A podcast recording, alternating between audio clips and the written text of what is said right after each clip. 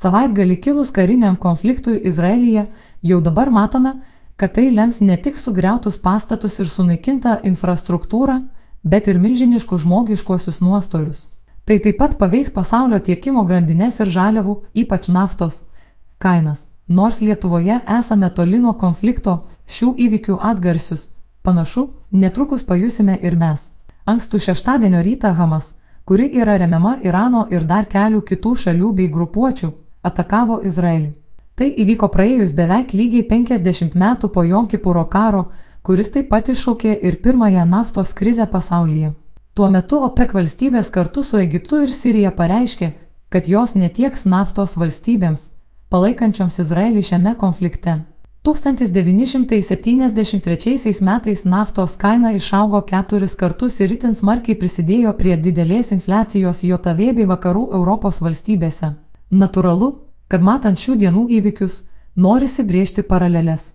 Ir nors naftos kainos pakilti tiek, kiek 1973 metais tikrai neturėtų, gali būti, kad didesnės naftos kainos laikysis ilgiau. Ypač jeigu dabartinė situacija eskaluosis ir konfliktas įsiplės regione.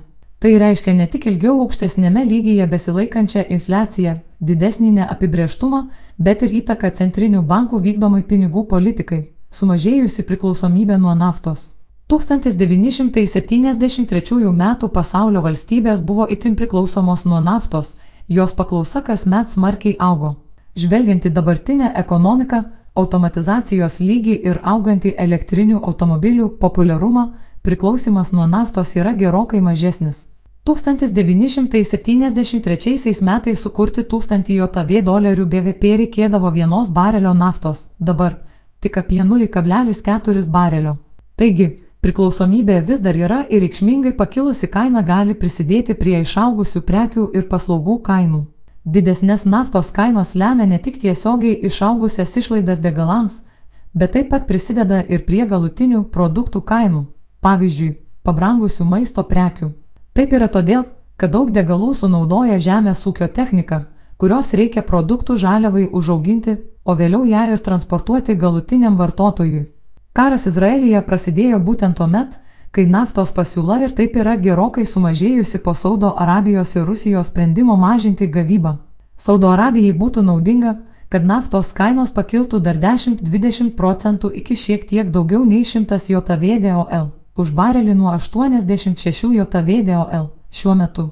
Visgi, jeigu kainos išauktų dvigubai ar nedaugiau, naudos tiek daug nebūtų ne tik ekonominių atžvilgių, bet ir dėl politinio spaudimo, rizikos, jeigu konfliktas plėstųsi. Didesnė rizika kyla, jeigu konfliktas įsiplėstų. Ypač tuo atveju, jeigu prie karo prisijungtų ir Hezbollah grupuotė, kuri kontroliuoja pietų Libaną ir yra gerokai galingesnė už Hamas.